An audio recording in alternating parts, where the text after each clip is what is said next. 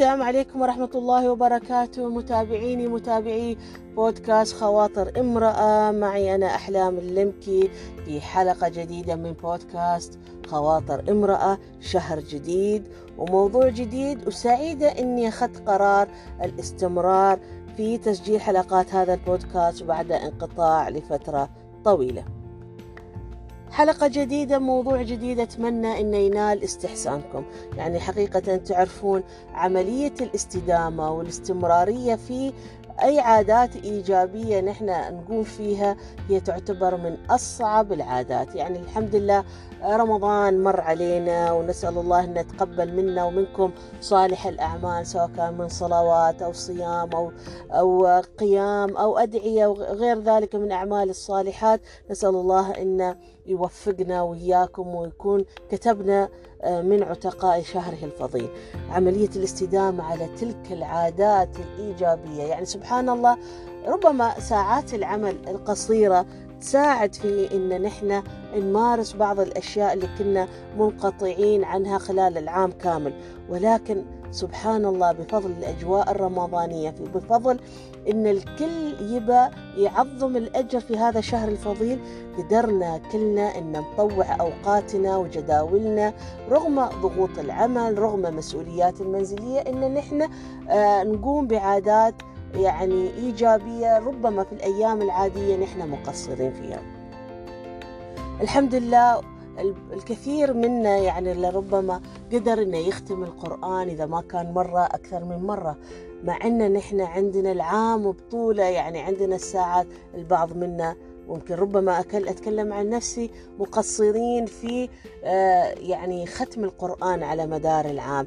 يعني نقرأ ما, ما نستطيع ولكن تلك الهمة والنشاط اللي كان عندنا في رمضان عن نفسي شخصيا أحس أن الحفاظ على هاي الهمة يحتاج إلى جهد واجتهاد ومجاهدة النفس الأمارة بالسوء.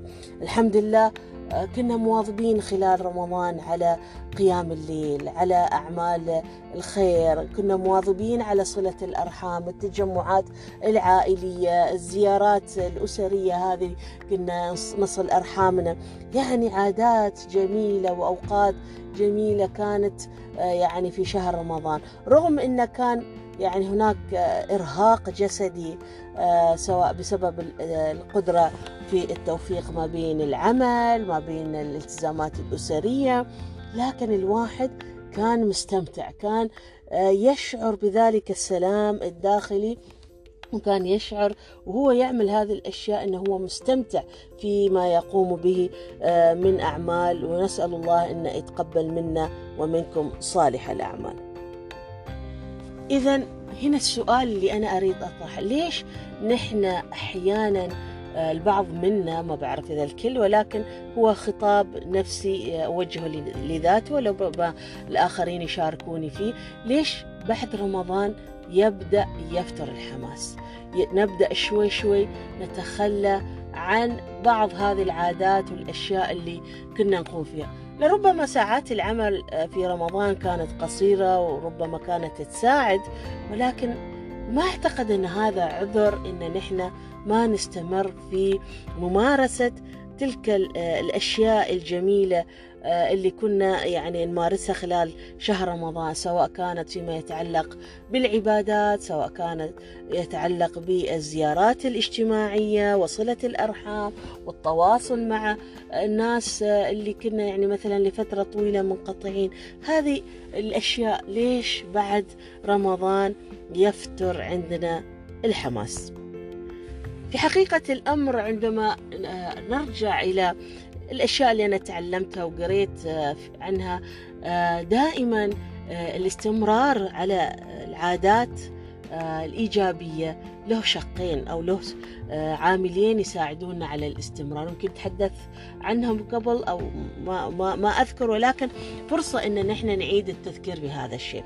السبب الأساسي ارتباط أهمية هذه الأهداف بهدف حقيقي هدف قيم حابين إنه فعلا ان نحققه وان نحس إن هي مسألة حياة أو موت. يعني اليوم كلنا كنا عشنا ودخلنا شهر رمضان لأن نحن نعرف أنه هو شهر وبيمر فبالتالي نحن نبى نعظم الأجر فيه ونبى نكسب أكبر قدر من الأجر مو بعارفين إذا الله راح يبلغنا آه، رمضان السنة القادمة. هذا الإحساس وهذا الأهمية بأهمية هذا الشهر الفضيل هو اللي كان دافع وراءنا أن نحن إن نشتغل ونبذل ونحاول إن نوزن بين أعمالنا بين آه، أمورنا الأخرى وأولوياتنا نقول لا هذا الشهر الأولوية في العبادات وفي الأعمال الخيرية وفي صلة الأرحام ليش؟ لأن نحن كان عندنا هدف قوي وإيجابي آه، نطمح إلى تحقيقه وهو آه، تعظيم الأجر وكسب أكثر أكبر عدد من الحسنات في هذا الشهر الفضيل. إذا إذا أنت عندك اليوم عادات معينة تبى تغيرها في حياتك إذا ما ارتبطت هذه العادات بهدف حقيقي ومهم في حياتك وتحس أن هذا الهدف راح يغير حياتك للأفضل تأكد تماما أن بعد فترة راح يفتر حماسك. إذا اربطوا أهدافكم اربطوا عاداتكم بأشياء مهمة راح تغير حياتكم خاصة إلى أنها تكون حياة أفضل حياة راح تحقق لكم السلام الداخلي والسكينة. والعامل الآخر اللي يساعد على استدامة العادات الإيجابية أعتقد وكلكم ربما تشاركوني هي وجود البيئة الداعمة المساندة حوالينا. يعني في شهر رمضان نجد أن الكل عنده نفس الهدف. والكل قاعد يسعى لتحقيق هذه الأشياء فنلقى البيئة العامة المحيطة آه، مساندة وداعمة آه، لنا كلنا في ان نحن الكل حريص على صلة الأرحام هم يبادرون وإنت تبادر الكل حريص إنه آه، على قيام الليل الكل حريص على مثلا توزيع الصدقات إفطار صائم وغيرها من الأشياء. الأجواء اللي حوالينا كلها تسير في خدمة هدف واحد اللي هو مثل ما قلت لكم تعظيم الأجر في شهر رمضان. إذا اليوم إذا نحن محتاجين أن نساهم آه، في تغيير أنفسنا إلى الأفضل أن نحن نحافظ وندخل عادات إيجابية ونحافظ عليها لابد أن نحن نشوف آه، البيئة الداعمة حوالينا سواء كان على صعيد الأسرة حد من أفراد الأسرة يشاركونا آه، في هذا الهدف ونكون نحن نشجع بعض. أو حتى الزملاء في العمل مثلا لربما أو الأصدقاء. لابد أن يكون في حد كل ما فتر حماسنا مثلا يشجعنا. نقوم نسوي هذا الشيء مع بعض نتابع بعض. وجود البيئة الداعمة والبيئة الإيجابية اللي تساعدنا على تحقيق أهدافنا هذه أيضا مسألة مهمة في استدامة أي سلوكيات أو عادات إيجابية نحن نحبها. إذا أنا مثلا أحب القراءة واستمتع في القراءة ولكن البيئة اللي حواليا ما تحب القراءة وإذا شافوني أنا مع أقرأ كتاب أو كذا يبدؤون يعلقون تعليقات أنت شو مصدقة نفسك أو كذا؟ أو أنا مثلا حابة أعمل رياضة آه، أو أنزل وزني لكن في البيت الأكل مو صحي الأكل ما في حد قاعد يدعمني أكيد راح أحبط وراح يفتر حماسي. إذا مهم عاملين مهمين في تحقيق استدامة العادات الإيجابية. هذه هي رسالتي في بودكاست اليوم من خواطر امرأة لابد أن نربط عاداتنا هذه بهدف حقيقي هدف مهم هدف مصيري يخلينا دائما نستشعر أهمية الاستمرار ومجاهدة النفس في تحقيق هذا الهدف. والشيء الآخر البحث عن البيئة الداعمة المساندة لنا في رحلة التغيير إلى الأفضل. هذا كان موضوع حلقة اليوم حلقة البودكاست من خواطر إمرأة. أتمنى أنها نالت استحسانكم واترككم في حلقة جديدة من بودكاست خواطر إمرأة.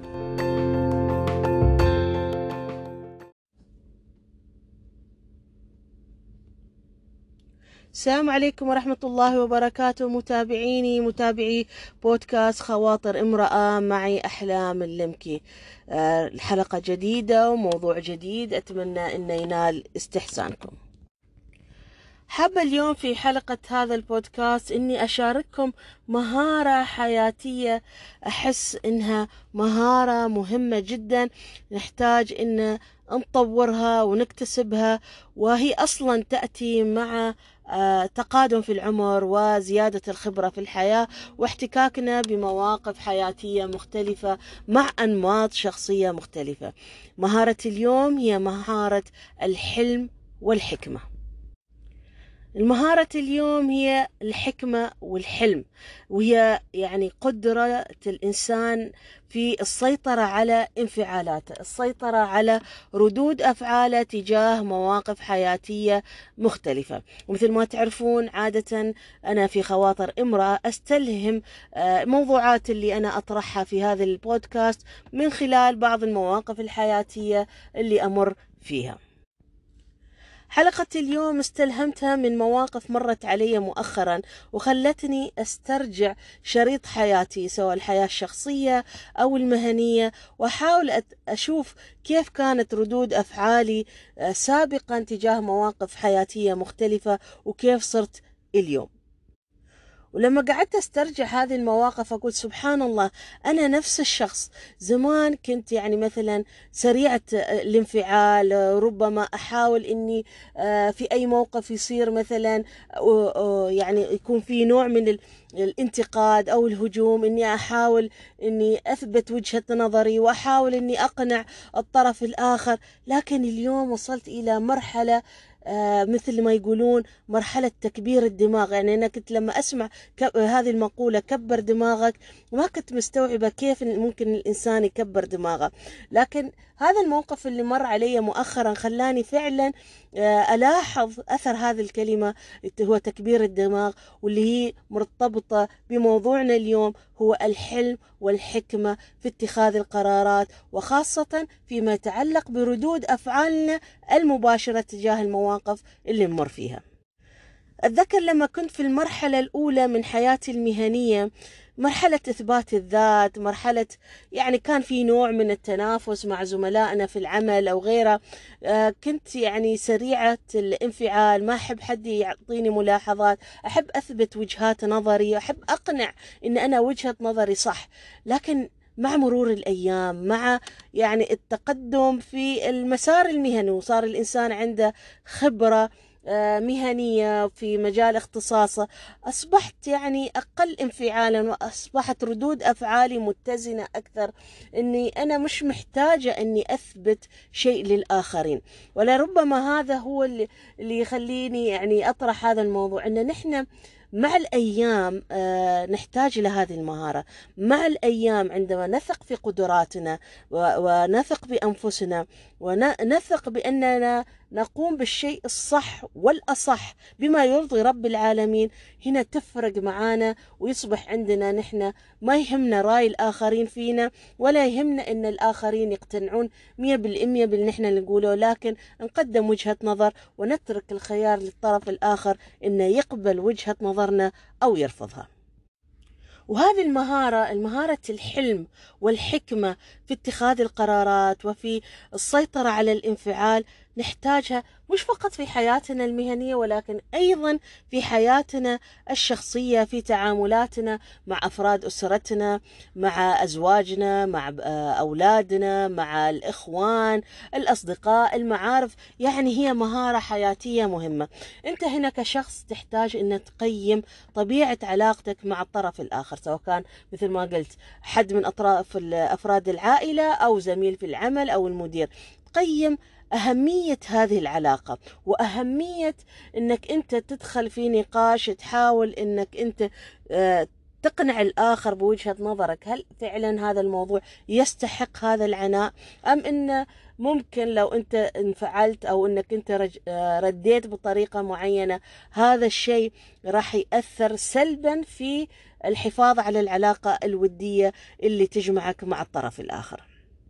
إضافة إلى ذلك فإن آه، مهارة الحلم والحكمة في التصرف أيضا تخلينا نحن نتجاوز يعني التوترات ونترفع عن صغائر الأمور اللي ممكن توتر العلاقات ما بيننا اللي ممكن تخلينا ندخل في دائرة يعني لوم الذات أو جلد الذات أو دائرة محاولة مستميتة لإرضاء الطرف الآخر.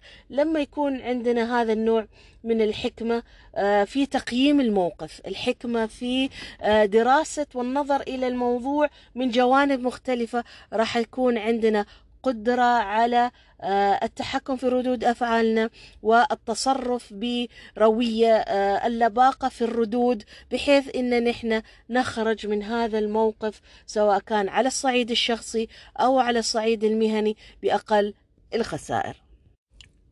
ولا ربما تتساءلون ليش أنا اخترت هذا الموضوع؟ هو بكل بساطة إن كنت يعني أحيانا مطلوب دائما مطلوب منا إن نحن نقرأ آيات الله سبحانه وتعالى إن نتدبر الكلمات اللي إحنا نقرأها. فأنا هاي الحلقة جت يعني توافقت كنت أقرأ سورة البقرة ومرت علي الآية 269 آه، فلفتت انتباهي آه، لهذا الموضوع. الآية تقول أعوذ بالله من الشيطان الرجيم بسم الله الرحمن الرحيم.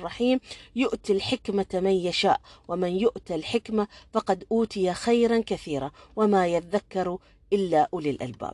فعلا الحكمة هي نعمة من رب العالمين. ونسأل الله أن يرزقنا الحكمة والحلم والقدرة على التعامل مع مواقف الحياتية بالطريقة الصحيحة. أتذكر لما كنت يعني في بدايات العمل كنت دائما يعني أواجه منافسة منافسة غير شريفة وكنت أحاول إني أثبت نفسي وأحاول إني أقنع الآخرين إن وجهة نظري هي الصح. ولكن مع الأيام قدرت إني أنا أترفع عن هذه الصراعات والجدالات اللي ما لها معنى وأثبتت سبحان الله آه الأيام إن مثلا وجهة نظري كانت صحيحة وأصبحت أنا مش محتاجة إني أنا أبرر موقفي للآخرين. وكذلك أيضا في مواقف أحيانا آه تحدث مع أفراد الأسرة مع آه الأبناء مع كذا أحيانا سرعة رد الفعل ومثلا التوبيخ أو إن مثلا أخذ موقف تجاه آه، يعني أي حد من افراد الأسرة قد توتر العلاقة. ولكن عندما نعطي المساحة للموضوع إنه ياخذ وقته ويتم الإنسان يعني ينظر ويدرس الموضوع من جوانب مختلفة يبرد الموضوع والله سبحانه وتعالى يهدينا إلى الصواب في ردود أفعالنا. اذا متابعيني متابعي بودكاست خواطر امرأة. حلقة اليوم هي حلقة ودعوة إلى أن نحن نحاول ندعو أولا الله سبحانه وتعالى أن يرزقنا الحكمة والحلم في علاقاتنا في تعاملاتنا مع الآخرين لأن فعلا هذه مهارة حياتية مهمة. وهذه تأتي ب آه، يعني التجارب الحياتية. أسأل الله أن يوفقنا جميعا في هذه المهارة وأن نحن نحاول أيضا نغرسها في أبنائنا أنهم ما يستعجلون في ردود أفعالهم في تعاملاتهم مع الآخرين على أساس أنهم يكونون قادرين على اتخاذ القرارات وردود أفعالهم تكون متزنة آه، يعني في المواقف الحياتية المختلفة. هناك شعرة ما بين رد وبين إن الواحد إنه يكبر دماغه آه، الموقف يحدد. في بعض المواقف لا تتطلب إن الإنسان ياخذ موقف ويثبت يعني وجهة نظره لأن أيضا السكوت عن الخطأ بعد يعتبر آه، شيء يعني مذموم. لكن الإنسان الحكيم هو اللي يعرف آه، متى يتكلم ومتى يسكت. هذه كانت حلقة اليوم من بودكاست خواطر امرأة. أتمنى أنها نالت استحسانكم وأترككم بحفظ الله إلى أن ألتقيكم في حلقة جديدة من بودكاست خواطر امرأة.